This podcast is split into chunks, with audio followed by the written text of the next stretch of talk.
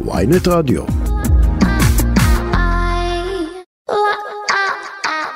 עכשיו בוויינט רדיו, מדע אין, עם ריקי כרמי וורד שפירא.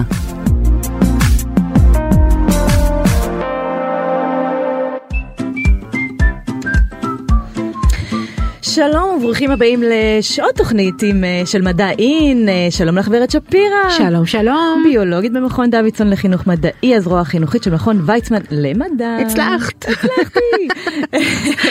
ושלום גם לעורך שלנו אבי בליקי וגם לארז גרטי שעוזר לנו בעריכה וגם למור אופפר הטכנאית העילוי שלנו ויש לנו היום בתוכנית uh, דברים מאוד מעניינים כי אנחנו מדברים... שחבל על הזמן. ממש חבל על הזמן. חבל על הזמן וחבל לבזבז את הזמן, כי יש לנו ממש מעט מאוד זמן. אני, אה, את יודעת... אה, זמן. זמן. כן. שומעים את הפתיח של הזמן. אז אנחנו היום מדברים על הזמן הכל כך יקר. ואיך אנחנו מודדים את הזמן. ואם בכלל אנחנו צריכים להתייחס לזמן, ואם אנחנו יכולים אפילו לחזור בזמן. שאלה מצוינת. סרט אהוב עליי. Back to the future וגם uh, to the past וגם uh, אנחנו נדבר על המון המון המון זמן בתוכנית הזאת וורד אני רוצה לשאול אותך קודם כל אם הטיפוס מאחר? תלוי לאן. גם אני. כן. זה תמיד מה שאני אומרת. זה, יש, יש מקומות שיותר שווה קצת לאחר אליהם, או שפחות כיף להקדים. אני, אני, אני בן אדם שזמן זה משהו שמאוד חשוב לו, ובחיים האישיים שלי אני הכי הכי מאחרת, מאחרת כרונית, אבל בעבודה אני חייבת להיות בזמן. זה, הזמן הוא מאוד יחסי על איך שמקבלים אותו ו, ובכלל למה אנחנו מודדים זמן אני לא הבנתי את זה בכלל את יודעת כשהייתי קטנה שהייתי צעירה לא הבנתי למה אנחנו צריכים למדוד את הזמן למה אנחנו צריכים את השעון הזה על היד למה אנחנו, אנחנו מזיזים את השעון הזה למה יש בכלל כן תאריכים וזה עזבו אתכם. נכון. נשנתי שלכם אז הנה אנחנו נדבר על, על למה אנחנו בעצם צריכים את הזמן ואיך הכל התחיל עם פרופסור ארז עציון. שלום לך, ראש בית הספר לפיזיקה ואסטרונומיה באוניברסיטת תל אביב. אהלן ורד, אהלן ריקי, מה שלומכם? שלום שלום. בסדר, שלום שלום. תספר לנו קצת ארז, איך, איך התחיל העניין הזה שאנחנו מודדים את הזמן? תמיד זה היה ככה שאנחנו בלחץ על זמן? או שזה של ימינו? בלחץ? כן, בלחץ? תמיד, תמיד, תמידי כנראה. אומרים שאנשים בלחץ של זמן, והזמן תמיד בורח לנו בין הידיים. ומה זה בכלל זמן? כי גם אני חושבת במדע, ההגדרה הזאת של זמן היא משהו שהוא מאוד מאוד אמורפי. מתי מתחיל כל הזמן הזה? קודם כל נכון, הוא אמורפי, אבל הוא לא אמורפי במובן של אנחנו לא יודעים מה זה, אלא יש נקודות שונות להסתכל על זה. אה, כאילו בעולם שלי, אה, היקום נולד לפני לא מזמן, 13 ומשהו מיליארד שנה. לא מזמן. לא כך... צעיר. כן. כן. ו... ושמה, מבחינת הפיזיקה, התחיל הזמן. אז יש איזושהי נקודת אפס, משם אנחנו סופרים. אז עכשיו, מה זה אומר? זה אומר שלפני כן, לא יודע מה היה, וזה גם עושה שאלות למה יהיה אחרי כן, אם הדבר הזה יישאר, ו... אבל יש לנו איזו נקודת זמן מעניינת שבו אנחנו אומרים, כל היקום שאנחנו מכירים היה באיזו נקודה סינגולרית, נקודה יחידה אחת ביקום, אז זה כולו היה מרוכז, ופתאום פאק זה התפרק, והיום אנחנו נמצאים זמן קצר אחרי הפירוק הזה. וזה בעצם זמן האפס שלנו, ששם בעצם הכל מתחיל. אז, אז לפחות ביקום שלנו, שאם יש יקומים אחרים, יכול להיות שיש להם נקודות זמן אחרות. או. אבל ביקום שלנו, זה הזמן, זמן האפס שלנו. אז אתה מתאר כאן כל כך הרבה דברים שאנחנו אה, לא אוהבים לדבר עליהם עם זמן, זאת אומרת זה הזמן הכיפי, הזמן שאנחנו מדברים על יקומים נפרדים ואחרים, ואם אנחנו חוזרים בזמן או לא חוזרים בזמן, ובאמת אבל המ- המשמעות בחיים שלנו של זמן, למה אנחנו בכלל צריכים את זה? אתה אומר נקודת האפס, משם הכל התחלנו לספור ככה, אבל באמת זה חשוב לנו? חשוב לספור את הזמן כל כך? אז האמת היא שאנחנו מסתכלים על זמן בשביל לעשות איזשהו סדר. זה היה קודם, זה היה אחר כך, אה, והרבה פעמים אנחנו מנסים להבין תהליכים. כדי להבין תהליך, אנחנו רוצים לראות מה גרם לתהליך, מה הסיבה, מה המסובב, מה התוצאה. אז כשאנחנו עושים איזשהו תהליך, אנחנו מדברים על איזשהו רצף, ואז אנחנו ממקמים בזמן את המאורעות ואומרים, אוקיי, זה קרה לפני זה. כדי לדעת אה, מה קרה לפני מה, אנחנו צריכים אה, לחלק איזושהי חלוקה של זמן. ואנחנו מאוד רגילים שהזמן הוא אותו זמן אצל כולנו. השעה אצלך עכשיו, אה, אותו דבר גם אצלי, נכון? כאילו... בדרך כלל, כן. אנחנו- ו- תלוי כמובן באזורי זמן שונים ו- וכל זה. כן, אבל יש לנו המרה פשוטה בין אזור זמן אחד לשני. אני יודע שאם עכשיו השעה שמונה ועשרה כאן, אז השעה שש ועשרה בלונדון, והשעה שבע ועשרה ברומא. כלומר, זה, זה יחסית תרגיל פשוט. כי אנחנו מצאנו לעצמנו איזה שהם אה, גורמים בשמיים, שאנחנו אה, מתייחסים אליהם וחילקנו את הזמנים שלנו לדברים שאנחנו קוראים להם ימים ו...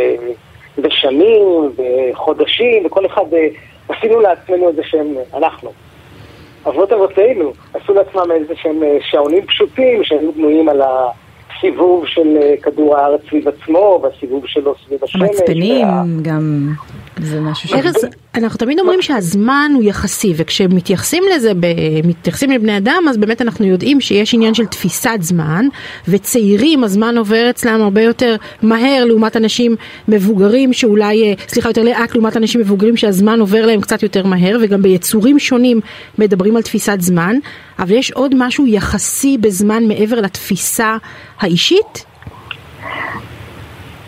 לפני אה, איזה 115 שנה היה איש נחמד בשם אלברט איינשטיין שפיתח את תורת היחסות. תורת היחסות הוא אמר דבר מטורף, משגע, שכיף לחשוב עליו עד היום. הוא אמר, הזמן יחסי. עכשיו, זה לא זמן יחסי של וואו, אני מאחר, אז אה, אז הזמן שלי. כאילו, לא, זה אמר שבכלל המושג של הזמן הוא בעצם לא דבר שהוא קבוע ממערכת למערכת. כלומר, אם מקודם אמרנו שאנחנו אה, מקבילים את הזמן, אנחנו אוקיי, הזמן כאן הוא אה, קצר, הוא מקדים את הזמן באנגליה בשעתיים, וזה סיפור פשוט. אבל הזמן מתאר, מתאר איזשהו קצב, איזשהו קצב של פעילויות. איינשטיין אמר שהזמן יכול ללכת מהר יותר או לאט יותר בתלות במהירות של המערכת שבה אנחנו מודדים את הזמן. כלומר, אם עכשיו, אה, אני מניח שאתן יושבות באולפן, מהמם. והזמן אה, רץ ב- ב- בקצב שאתם אה, מכירות, ואני יושב גם באזור זמן שלי, אבל פתאום מסתבר שאני אה, הוקפצתי לחללית, והחללית מתחילה לטוס במהירויות מאוד גדולות. הזמן שהשעון שלי ימדוד יהיה פתאום איטי יותר, אז השעון שלי ילך יותר לאט מאשר השעון שלכם.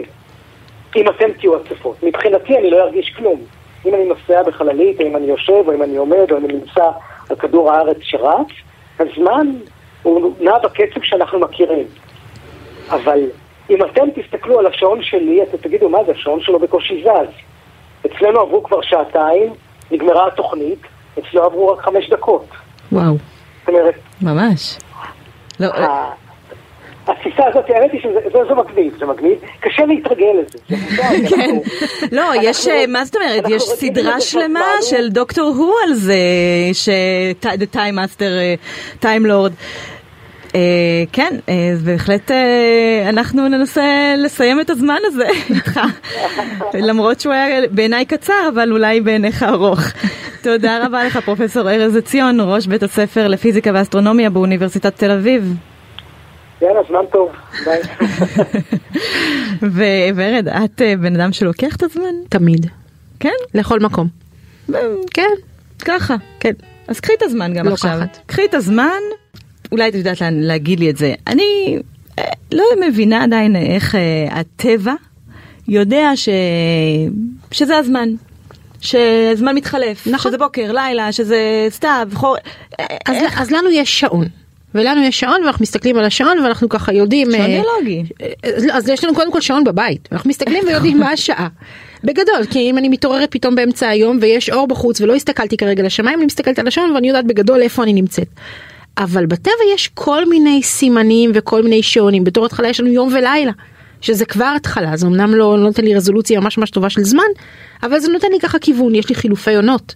אני יכולה לדעת אם אני בקיץ או בחורף, באזורים שונים על כדור הארץ אני יודעת טוב יותר או פחות טוב, אבל יש בעלי חיים שפתאום אה, מזג האוויר מתקרר, הפרווה מתחלפת, איך הם יודעים עכשיו להחליף את הפרווה לפרווה עבה יותר? זה מה שאני לא מבינה.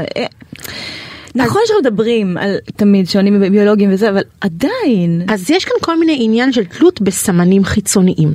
וזה בדיוק מה שאנחנו הולכות לדבר עכשיו עם האורחת שלנו. שלום לדוקטור יערית אה, אדמוביץ', אדמו. ויץ', נכון? לא, לא, לא, זה תמם. אני מקווה נכון. שאמרתי את השם הזה טוב. המחלקה למדעים אה, ביו-מולקולריים, מכון ויצמן למדע. היי. שלום, היי, מה נשמע? מצוין. יערית, תסבירי כן. לנו. אני... אני מבינה, תמיד אנחנו מדברים על זה, שעונים ביולוגיים שלי, השעון הביולוגי שלי ככה, השעון הביולוגי שלי ככה, ובסוף, בסוף, בסוף, גם לחיות יש, כמו שאמרנו, שעונים ביולוגיים, אבל מה זה השעון הזה? זה משהו שמתקתק לי? גם לצמחים, גם לחיידקים מסוימים יש אותו, זה... למעשה אם אה, נדבר על, עלינו, על גוף האדם, הוא עושה הרבה דברים לאורך היום, נכון? יש עשרות uh, של הורמונים שעולים ויורדים, יש מיצי עיכול, יש כימיקלים שהמוח מפריש וסופג, גנים שעולים ויורדים. אז uh, הרי אי אפשר לעשות את כל הפעולות האלה באופן רנדומלי, ולכן לגוף שלנו יש מין לו"ז פנימי שמכתיב לו בכל שעה ביממה מה הוא צריך לעשות כדי שהוא יהיה יותר פרודוקטיבי, ועל כך אחראי השעון הביולוגי הפנימי בגוף שלנו. אני רוצה רגע להבין את הנקודה הזאת.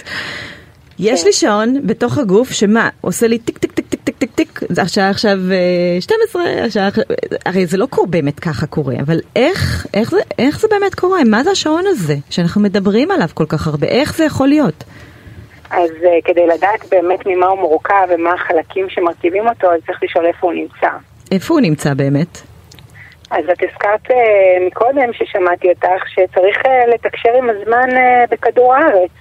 הזמן הפנימי שלנו בגוף הוא פנימי, אבל הוא גם כל הזמן יוצר קשר עם הזמן החיצוני. Mm. הזמן החוץ, החיצוני, הסממן הכי חזק שלו, כמו שהזכרתם כבר, זה שינויים של אור ו, וחושך. ולכן הקשר שלנו, של השעון, בעיקר עם העולם החיצוני, נעשה דרך העיניים שלנו, אה, ומשם הוא מתחבר לאזור אה, במוח שנקרא אה, הגרעין הסופר קיאזמטי, וזה אזור מאוד מאוד קטן של מעט מאוד נוירונים שהוא מהווה בעצם את השעון הביולוגי המרכזי שבגוף שלנו, אבל לא רק זה, לא רק שהשעון המרכזי נמצא במוח, אנחנו גם יודעים להגיד היום שיש לנו מיליונים של שעונים בכל הגוף, ולמעשה כמעט בכל התאים בגוף שלנו יש שעון, יש לך שעון בכבד, יש לנו שעון בשריר, יש לנו שעון בעור ומערכת העיכול. שמה זה, זה, זה, אה, מה זה השעון? אני באמת עדיין לא מבינה, איך זה... ממה הוא מורכב. כן. אז כמו שאמרת, הוא באמת צריך לתקתק, זה דווקא אנלוגיה לא רעה. הוא צריך לתקתק, הוא צריך, מה זה לתקתק? הוא צריך להגיד מה השעה, או אה, בכל אה, זמן. ומי שאומר את זה זה בעצם חלבונים מסוימים שעולים ויורדים. במקצבים יממתיים, מקצבים של 24 שעות. והחלבונים האלה מקודדים על ידי גנים, הגנים של השעון, הזמן הפנימי שלנו הוא מקודד גנטית ועל כך uh, קיבלו פרס נובל אה, שלושה חוקרים ב-2017. אמ, שמה, ממש מצאו את השעונים הביולוגיים האלה? את החלבונים האלה? סליחה, עוד פעם? ש, הם, מה, הם, הם, על מה הם קיבלו את הנובל? אה, שמצאו הם את ה... הם קיבלו, uh, שלושת החוקרים, ג'פרי הול, מייקל רוסבש ומייקל יאנג, עבדו בעצם על זבובי פירות. לנו זה נשמע מאוד, מה קשור זבובי פירות לבני אדם? Mm-hmm. אז זבובי פירות היא מערכת מודל שלומדים עליה המון מבחינה גנטית, קל מאוד לעשות שם מוטציות וכל מיני שינויים. והתגלית שהם גילו, המנגנון הביוכימי של איך שהשעון עובד, מתברר שהיא אוניברסלית, היא נכונה לכל בעלי החיים, לכל הצמחים, וגם במנגנון שלו הוא זהה גם אפילו חיידקים קדומים מסוימים, mm. ועל כך הם קיבלו את הפרס נובל. ברגע שהתגלית היא נעשית חשובה לכל העולם הביולוגי, ולמעשה יש לה גם אימפקט מאוד גדול בעולם הרפואה והבריאות שלנו בהמשך, כמובן שהם עשו את התגלית בשנות ה-80, קיבלו את אה, פרס נובל אה, בדרך כלל לוקח הרבה, הרבה שנים אחר כך כדי להבין את האימפקט של העבודה שלך עד שאתה מקבל אותו. אה, אבל עצם ההבנה שהשעון נמצא במוח ומשם אחר כך להבין ביוכימית איפה הוא נמצא מבחינה מולקולרית, זה העבודה שלהם, ועל כך היא זיכתה אותם בפרס נובל. יערית, יש, אנחנו מדברים על שעונים ביולוגיים, אבל עדיין יש גם שונות בין בני אדם שונים. נכון? זה לא אותו שעון אצל אנשים שונים, ואפשר להגיד שיש טיפוסים של יום וטיפוסים של לילה כשמדברים על אה, שעונים ביולוגיים, זה באמת נכון מדעית? Uh, בהחלט, כמו כל דבר בגנטיקה, אנחנו שונים גנטית, ויש לנו גם שונות uh, שמתבססת על זה. בישראל, אגב, רוב האנשים ברובם הם טיפוסים דומים, אין שונות כל כך גדולה. ובאופן כללי השונות הגנטית... מבחינת השעון הכוונה, זאת אומרת... מבחינת, מבחינת הגנים של השעון. Mm. יש מעט מאוד מוטציות בגנים של השעון, יש אנשים שיש להם הפרעות שינה מאוד חזקות, מאוד מעטים כאלה, ויש uh, מוטציות נדירות בגנים של השעון, אבל uh, מה שבעצם קובע אם הטיפוס בוקר או טיפוס ערב זה אורך המקצב של השעון. השעון הוא מתקתק והוא סוכם זמן מסוים, הוא סופר זמן במחזוריות מסוימת. ואורך המחזור הזה יחליט אם הטיפוס בוקר או ערב. כדור הארץ מסתובב על סירו, אה, והסיבוב הזה אורך 24 שעות בדיוק, אבל השעון הפנימי שלנו הוא לא קוצב בדיוק 24 שעות, mm. הוא בערך, הוא סוטה מ-24 שעות. זה לא אומר שהוא לא מדויק, הוא שעון מדויק להפליא, הוא פשוט לא קוצב אה, בדיוק אני, 24 שעות. אני לדוגמה, אני חושבת שאני טיפוס של, אה, של בוקר. יש לי mm. דרך לדעת את השעון שלי, אם אני באמת טיפוס של בוקר? כי אני מניחה שזה גם משהו שאולי חשוב קצת לדעת את זה, אם אני בוקר או ערב, מתי אני עובדת יותר יעיל אולי. אז רוב האנשים באמת יודעים כבר להעיד על עצמם, הם עם טיפוסי בוקר או ערב, ולמשל אם את טיפוס בוקר, זה אומר שהמקצב שלך הוא קצר מ-24 שעות. אז את מקיצה קום, את מתעוררת, את קל לך יותר להתעורר בבוקר, קשה לך לעשות עבודות uh, בערב, במיוחד עבודות שדורשות uh, פעילות מנטלית. ומי שבערב? אה, עוד פעם? מי שהוא בעצם טיפוס של לילה? כדי לדעת איזה טיפוס את, יש היום שני שאלונים מאוד ידועים אה, בתחום שאפשר לענות עליהם, יש שאלון אינטרנטי, יש שאלון שאפשר להוריד אותו, אה, גם כן אפשר להוסיף קישור אם תרצו, אז אפשר דרך זה לדעת איזה טיפוס אתם, זה ברמת השאלון. ברמה באמת לדגום לך דגימה מהגוף, גם את זה אפשר לעשות, אפשר לקחת חתיכת אור קטנה, לגדל את זה בתרבית רקמה, זה היופי של השעון, הוא עובד באופן עצמוני, הוא קיים בכל התאים בגוף שלנו, כמעט בכולם, ואם אני אקח עכשיו תרבית אה, רקמה מהעור שלך, ואני בפרוצדורה מסוימת במעבדה ידביק באיזה ריפורטר מסוים, אני יכולה להגיד לך באיזה מקצב עובד השעון שלך, האם הוא קצר מ-24 שעות, הוא ארוך מ-24 שעות. מדהים. מדהים, ואת יודעת מה, הדבר היחיד, הכי מדהים, או הכי מטריד אותי, שאם אני טיפוס של בוקר, תמיד חשבתי שבגלל שאני טיפוס של בוקר, אז uh, אני קמה בבוקר ויש לי מלא מרץ וזה, ויש לי את כל היום, ואני... ועכשיו את מספרת לי שהמקצב שלי הוא יותר קצר. אז בעצם בא לי אז להיות טיפוס של לילה, כדי שהמקצב שלי יותר, יהיה לי יותר זמן. לא? אה, כן, אבל אנשי לילה יש בעיה מאוד קשה בבוקר. את אה, ניסית לדבר עם מישהו שהוא טיפוס לילה, אסור לשאול אותו מה שלמה בבוקר. אנחנו מדברים על זמן, אז יש לו יותר זמן למלא, אם הוא לא, לא, אני... זה לא אומר שיש לו יותר זמן. לא אומר שיש לו יותר זמן. הוא עובר אה, כל הזמן התאמה לכדור, הוא יעבור התאמה, אנחנו נעבור התאמה ל-24 שעות כל הזמן. Mm. השאלה מתי נצטרך להשקיע יותר.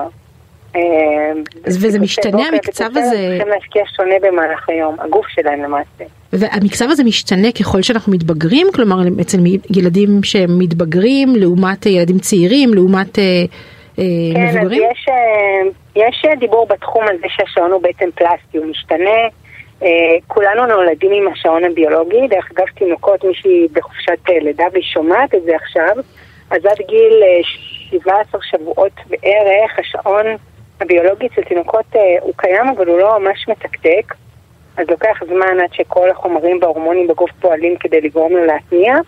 אז רק מגיל 17 שב, שבועות בערך אפשר לראות אה, מחזורי שינה סדירים יותר אצל תינוקות.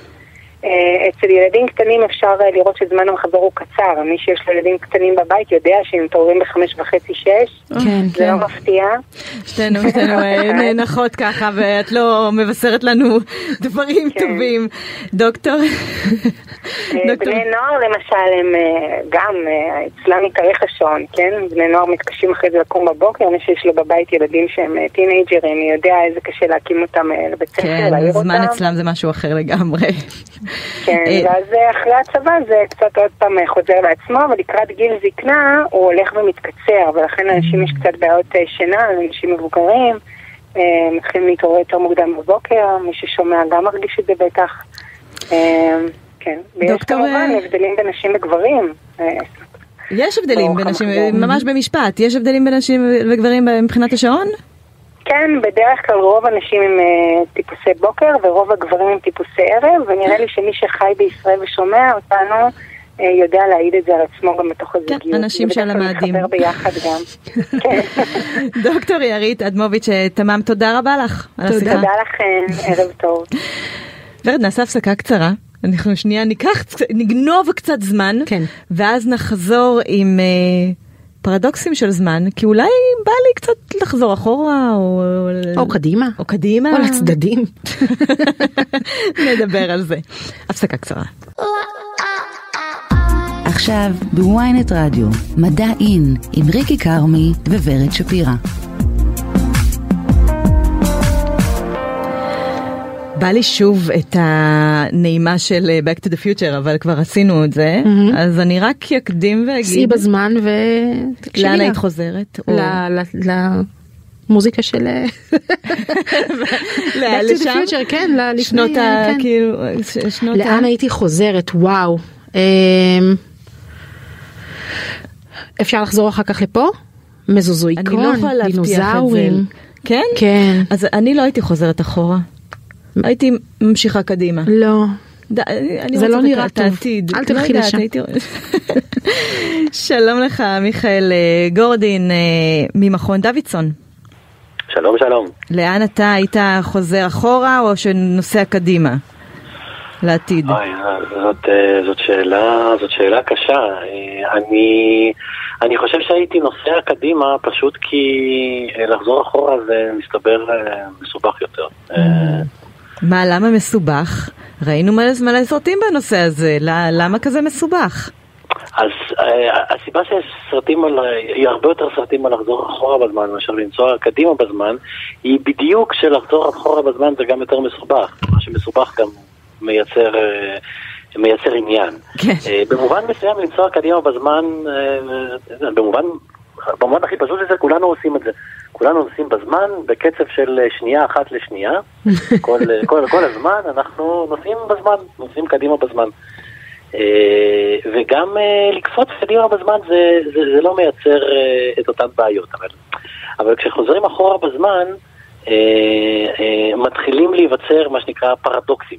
של, רגע, אני חייבת להגיד, אני דווקא חולקת עליך שגם קפיצה לעתיד יכולה לייצר פרדוקסים בהווה.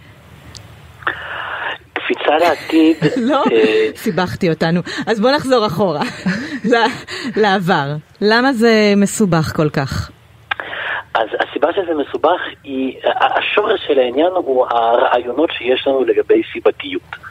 אה, ברגע שזונחים את זה הצידה, אז, אז אה, דברים יכולים להסתדר, אבל יש לנו תפיסה מאוד מאוד חזקה שבאה לידי ביטוי בחוקי פיזיקה, בכל הדרך שבה אנחנו מבינים את העולם, שלדברים יש סיבה, שאם... אה, עכשיו נשברה ביצה והיא מונחת על הרצפה, כולה שבורה, זה כי כמה שניות קודם לכן היא הייתה שלמה ויותר למעלה, ואז היא נפלה. או כמה שניות קודם לכן היא הייתה שלמה ועל הרצפה ורגל של מישהו דרכה עליה. אבל אה, אה, אה, אה, יש לנו תחושה מאוד מאוד חזקה שהסיבות נמצאות בעבר והתוצאות שלהן נמצאות אה, בעתיד. מה, מה, בוא, נ, בוא נ, נ, נצא מנקודת הנחה שהמצאתי עכשיו מכונת זמן. כן. מעבר לזה שהשקעתי עליהם מלא- כסף, אני גם מרוויח עליהם מלא כסף, אבל אה, אה, אני החלטתי לחזור אחורה בזמן, לשנות ה-80, אה, לראות את הלידה שלי. מעניין אותי. אז, אז למשל יכול להיווצר פרדוקס כזה. את אה, אה, מגיעה אה, אחורה בזמן אה, ל... ללידה של עצמך, צופה בלידה של עצמך, ומפילה איזו צנצנת, עושה איזשהו רעש.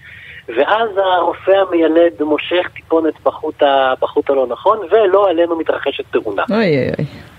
אמ, אז, אני לא פה איתכם. אז את עכשיו לא באמת נולדת, נכון? לפי זה. אז, אז כשיעברו ה- השנים ואת תהיי אמורה לחזור אחורה בזמן, אז את כבר לא תעשי את זה בגלל התאונה, כי אין עכשיו מי אה. שייסע אחורה בזמן. אז אני כן איתכם. אז, אז לא חזרת אחורה בזמן, אז כן נולדת. אז אם כן נולדת, כן הגעת לשלב שבו את נוסעת בזמן, ואת כן חוזרת אחורה בזמן. אבל אם את כן חוזרת אחורה בזמן, אז את, אז את לא חוזרת אחורה בזמן. ואם את לא חוזרת, זה, זה מה שנקרא הפרדוקס זה שני הסבא. יקומים אה, שונים, שבהם אה, אחד אני חוזרת והשני אני לא חוזרת. בעצם אחד אני חיה ואחד אני לא חיה. מה שבעצם קורה, יצרת לולאת, לולאת זמן סגורה, של רצף של אירועים, אירוע א' מוביל לאירוע ב', את נולדת, כתוצאה מזה שאת נולדת אה, בנית מכונת זמן, כתוצאה מזה שאת בנית מכונת זמן חזרת אחורה בזמן, כתוצאה מזה שחזרת אחורה בזמן אה, את גרמת לעצמך לא להיוולד, אז יש לנו לול- לולאה ש, ש, שסותרת את עצמה. יש גם אה, את שם עצמה. ללול לפרדוקס הזה, נכון? זה לא, כן. אנחנו לא עכשיו אלה שנזכה בפרס אה, נובל על זה שהמצאנו את זה. לא, למרבה הצער זאת לא הפעם הראשונה שחשב, שחשבו על, כן. ה, על, ה, על הרעיון הזה. זה מה שנקרא פרדוקס הסבא, אה, ובדרך כלל התרחיש הסטנדרטי שמספרים אותו, זה לא בן אדם שגורם לתאונת מותו של עצמו, אלא חוזר אחורה בזמן ותלוי בשגגה או לא בשגגה. אה, גורם למותו של סבו שלו, ואז הוא עצמו לא נולד, אבל הרעיון הוא אותו רעיון. זה ממש כל סדרת הסרטים של אה, אה, בחזרה לעתיד מבוססת על הפרדוקס זה- הזה. ו... כל, כל סרט שלך בעצם באמת מסע בזמן שאני מכירה באמת מבוסס על הפרדוקס הסבא הזה שאם אני חוזר בזמן, אם אני משפיע, איך אני משפיע על הזמן ש, שאני אמור להיכנס אליו בעתיד שזה אז- קצת אז- עושה כאב ראש ש- כשקצת חושבים, תחשבי על זה, את תגלי שזה בעצם חצי מהסרטים של מסע אחורה בזמן הזה. החצי השני עובדים על סוג של הפתרון של, אה, אה, של הפרדוקס הזה, שיש כאלה שמשייכים אותו ל- לסופר המדע הבדיוני אה, לארי, לארי ניבן, יש כאלה שמשייכים אותו לפיזיקאי בשם אה, איג- אה, איגור אה, איגור דימיטריץ' נוביקוב, אה, אז הוא נקרא או עיקרון ניבן אז או מה עיקרון הפתרון? נוביקוב. הפתרון אומר שזה, שבגלל שהטבע מאיזושהי סיבה בנוי בצורה כזאת, אה, אם זה הפיזיקאי אז הוא ינסח את זה בצורה הסתברותית, אם זה הסופר אז הוא ינסח את זה בצורה ספרותית, שזה בלתי אפשרי.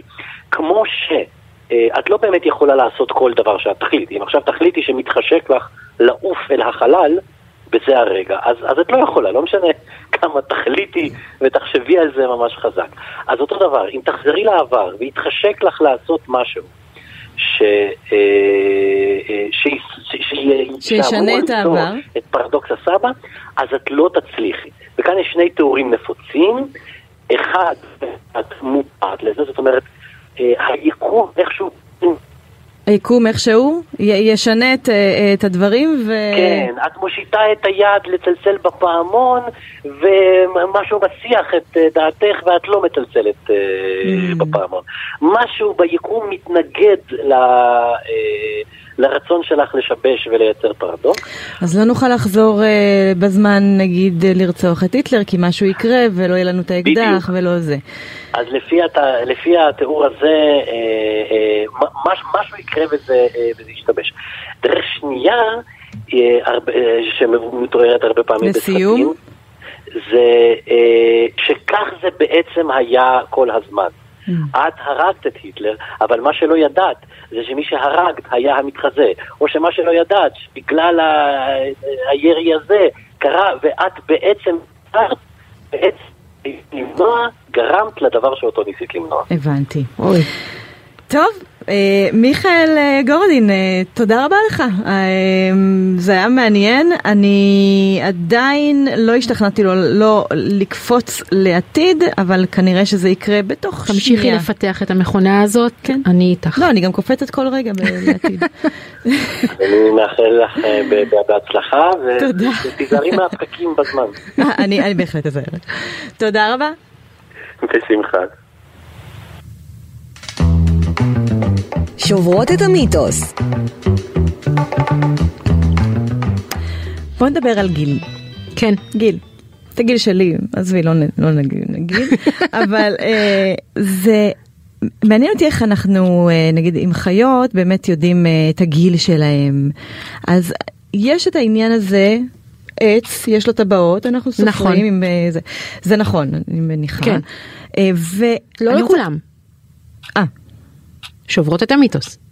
אוקיי. אוקיי. אז כן. זמן, אז אה, מה שמעניין אותי, אה, צב, צב, הוא חי שנים רבות. אה, ויש לו גם כן את הטבעות האלה, אותן טבעות מפורסמות, ותמיד היינו ככה סופרים, אה, כל כן. טבעת זה שנה, ו... גם הגננת שלי עשתה את זה. נו. זה לא נכון. למה? למה עושים את זה? אז זה כי מיתוס. הכי פשוט. כי יש, כי יש צו ויש לו שריון ועל כן. השריון יש פסים והמיתוס אומר שאם נספור את, ה, את, ה, את הטבעות האלה נדע בין כמה הצו. עכשיו זה לא נכון כי אי אפשר באמת לדעת בין כמה הצו כי יש לו אמנם טבעות אבל הטבעות האלה הן שלבי גדילה. ויש צבים שגדלים מהר יותר ויש כאלה שגדלים יותר לאט ויש כאלה שיש להם יותר מזון בתקופות מסוימות וכאלה שיש להם פחות וגם. הטמפרטורה משתנה וגם הסביבה משפיעה. אז למעשה אי אפשר לדעת בין כמה צו לפי הטבעות של השריון שלו אבל בעצים אפשר. ולא בכל העצים, לעצים יש אה, טבעות גדילה, ואנחנו מדברים על עצים של אה, עצים שהם מה שנקרא דו-פסיגיים, כלומר העצים האלה שאנחנו כורתים אה, לא דקלים, כאלה שיש להם ענפים ועלים שיוצאים מהענפים, אז יש להם גם טבעות גדילה בהנחה שהם צמחו באזורים שיש בהם עונות שנה ברורות. למה? השעון הביולוגי. או, גם, גם ולא גם, אלא בגלל שכשיש אה, מים והעץ צומח מהר והוא גדל בקצב מהיר יותר, אז הוא יגדל ככה שזה ייצור אה, אזור, ייצור גזע בהיר יחסית. וכשאין מים, למשל בעונה היבשה יותר, הוא עדיין צומח, אבל הוא צומח יותר לאט. ואז הטבעות הגודל, הגזע שנוצר הוא צפוף יותר וכשאני כורתת בדיעבד את הגזע הזה את העץ הזה לאחר הרבה מאוד שנים אני מגלה את הטבעות כשהחלק הלבן הבהיר יותר זה עונה רטובה של צימוח מהיר החלק הכהה יותר צימוח איטי אין מספיק מים וכל זוג פסים כאלה הם למעשה שנה ויש ממש תחום מחקר שנקרא דנדרוכרונולוגיה שאתה יכול ככה לגלות מה היה מזג האוויר וכמות הגשמים בעבר לפי גזעי עצים והטבעות עליהם, מעניין. כן? עכשיו גם אגב בים כן. יש אה, לוויתנים שנקראים לוויתן חד שן או נרוואלים וללוויתנים שיש להם אה, קרן שנראית ככה כמו קרן של חד קרן, קרן? ככה מסומסלת נכון. כזאת יפה ושם יש טבעות גדילה שזה אולי לא כל כך אה, מעניין מבחינה מחקרית בין כמה אותו נרוול אבל זה כן יכול לספר לנו על הסביבה המימית למשל באיזה שנים הייתה יותר כספית בים. או שאפשר היה לגלות זיהומים בגלל שאפשר למצוא ממש שיירים של זה בקרן של אותו לוויתן. בטבעות שלו. ב- בטבעות הגדילה בקרן של הנרוול. טוב, אה, חבל שאין לנו יותר טבעות גדילה בטבע, והייתי הייתי עושה איזה טבעות גדילה אצלנו, לא? כן, כן, זה נחמד. זה נחמד. אפשר לגלות כל מיני דברים על העבר שלנו אבל אנחנו למעשה אמ, אנחנו לא חיים מספיק זמן ובסביבה מספיק מעניינת שאנחנו לא מכירים כדי שיחקרו אותנו כמו הקרן של הנרוול. אז אה, הנה שיר נוסף על זמן, ריטה, עבד של הזמן, של הזמן. כולנו אני העבד של הזמן. לגמרי. זה השעון. בלי שעונים, אה, לא, אי אפשר למדוד את הזמן בעצם. עזבי את השעון ביולוגי. אבל שעון, שעון, יש שעון חול, יש שעון שמש, יש שעון הרגיל. הרגיל. תמיד יש שעונים. נכון. גם אם עכשיו הם בפלאפון, באייפונים וזה. איזה שעון היית את הכי מעדיפה? הכי מעדיפה או וואו. היית רוצה להמציא, או... הכי מעדיפה שעון מקולקל, אבל אני חושבת שאם הייתי יכולה להמציא שעון חדש, הייתי ממציאה שעון צרצרים. כי יש כל מיני קצבים, נכון? יש כל מיני קצבים בטבע, יש את היום והלילה, יש עונות שנה, ויש גם צרצרים, מסתבר. אה, מדען בשם אה, עמוס דולבר בשנת 1897 מצא קשר בין טמפרטורה בחוץ לקצב הצרצור של צרצרים והגדיר את נוסחת דולבר, שזה אומר שהטמפרטורה בחוץ בצלזיוס היא שווה למספר צרצורים של צרצרים בדקה, ועוד 30 כל זה לחלק לשבע, וזה נותן לך את הטמפרטורה. אז תחשבי. שאם תן לי את הטמפרטורה, כן. זאת אומרת לפי הצליל, הקצב של הצרצרים, אני יכולה לדעת אם חורף, מה הטמפרטורה? טמפרטורה. כן, ככל רק- שיותר חם מצרצרים בקצב יותר גבוה, אבל תחשבי שיש לי טרמומטר, ואני יודעת מה הטמפרטורה. ואז לפי זה אני יכולה וואו. לספור את מספר הצרצורים ולדעת מתי עברה דקה. אז זה השעון שהייתי ממציאה. אני לא הייתי ממציאה אותו. קשה לי. קשה לי עם הטקטוק של השעון, אז יהיה קשה לי גם עם הצרצורים של השעון, הרבה הצרצרים יותר שלך. הרמוני. שלום לדוקטור יונת אשחר ממכון דוידסון לחינוך מדעי, מומחית בהתנהגות בעלי חיים. שלום, שלום. את היית אה, זורמת על אה, ככה? אה, שעון צרצורים? של ורד? אני פחות... צרצורים, כן, זה יכול להיות נחמד. אני אוהבת די את הצרצור של הצרצרים, אלא אם זה יותר מדי חזק.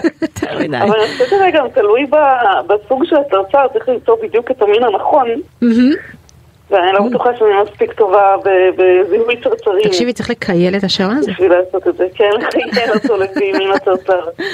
אז יונת, אנחנו רוצים לשאול אותך ככה, באמת אה, דיברנו על זמן, ושאנחנו אה, אה, רצים אחרי הזמן, ובסוף הזמן שלנו בורח בין האצבעות, ואחרי שאנחנו ככה עוברים את מסלול החיים ומסלול הזמן של החיים, אנחנו מגיעים בעצם לזקנה, לשלב הזה.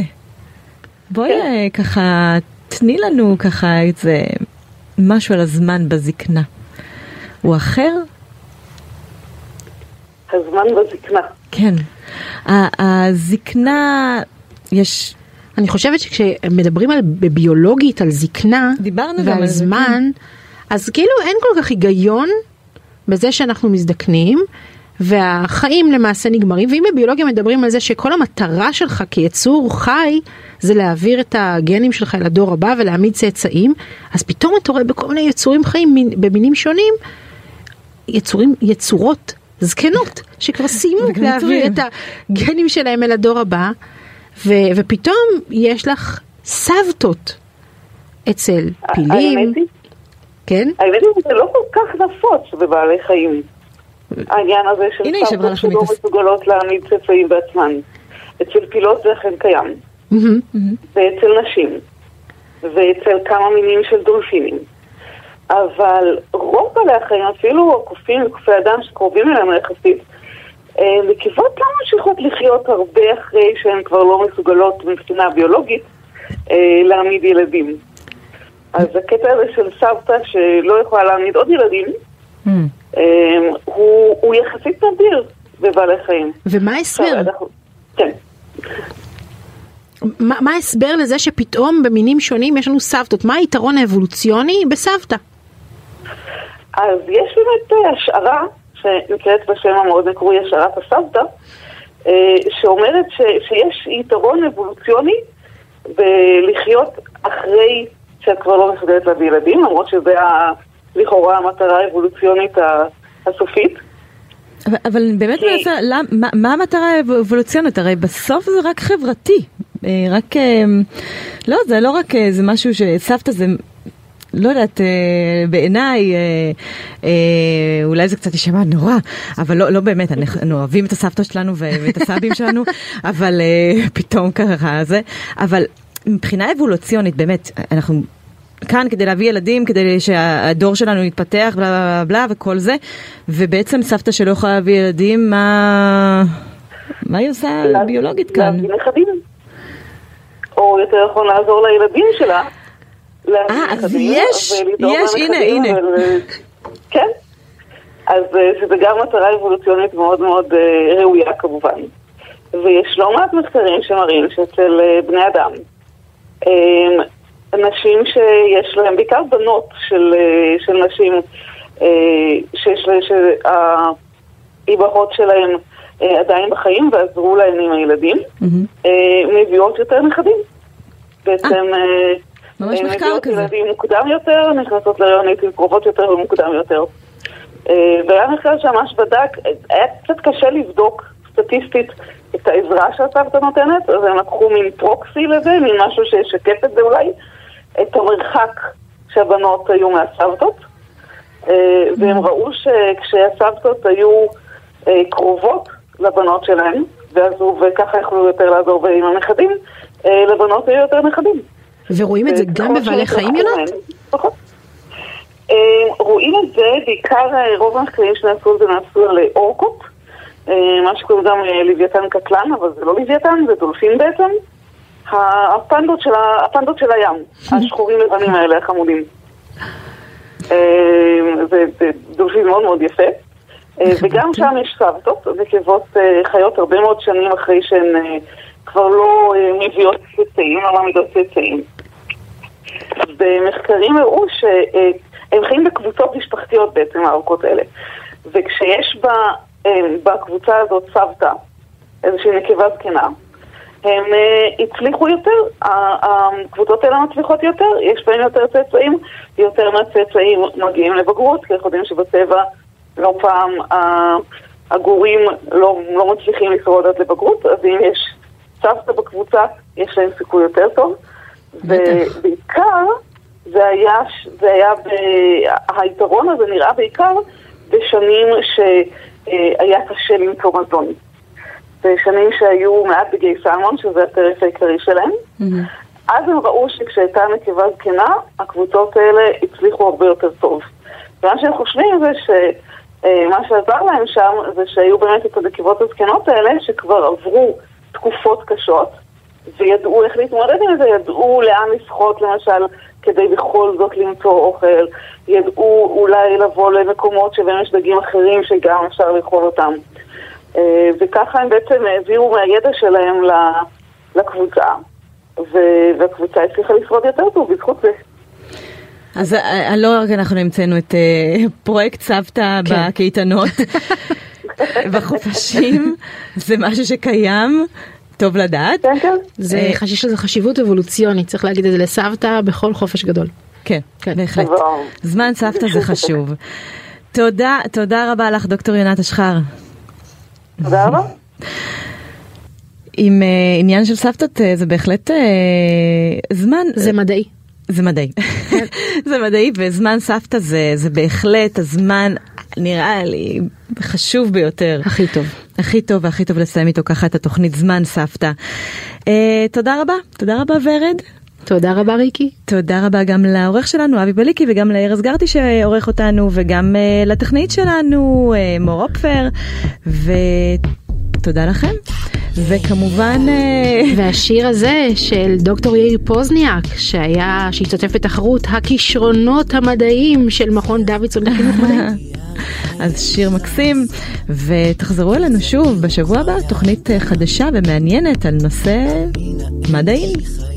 the floor.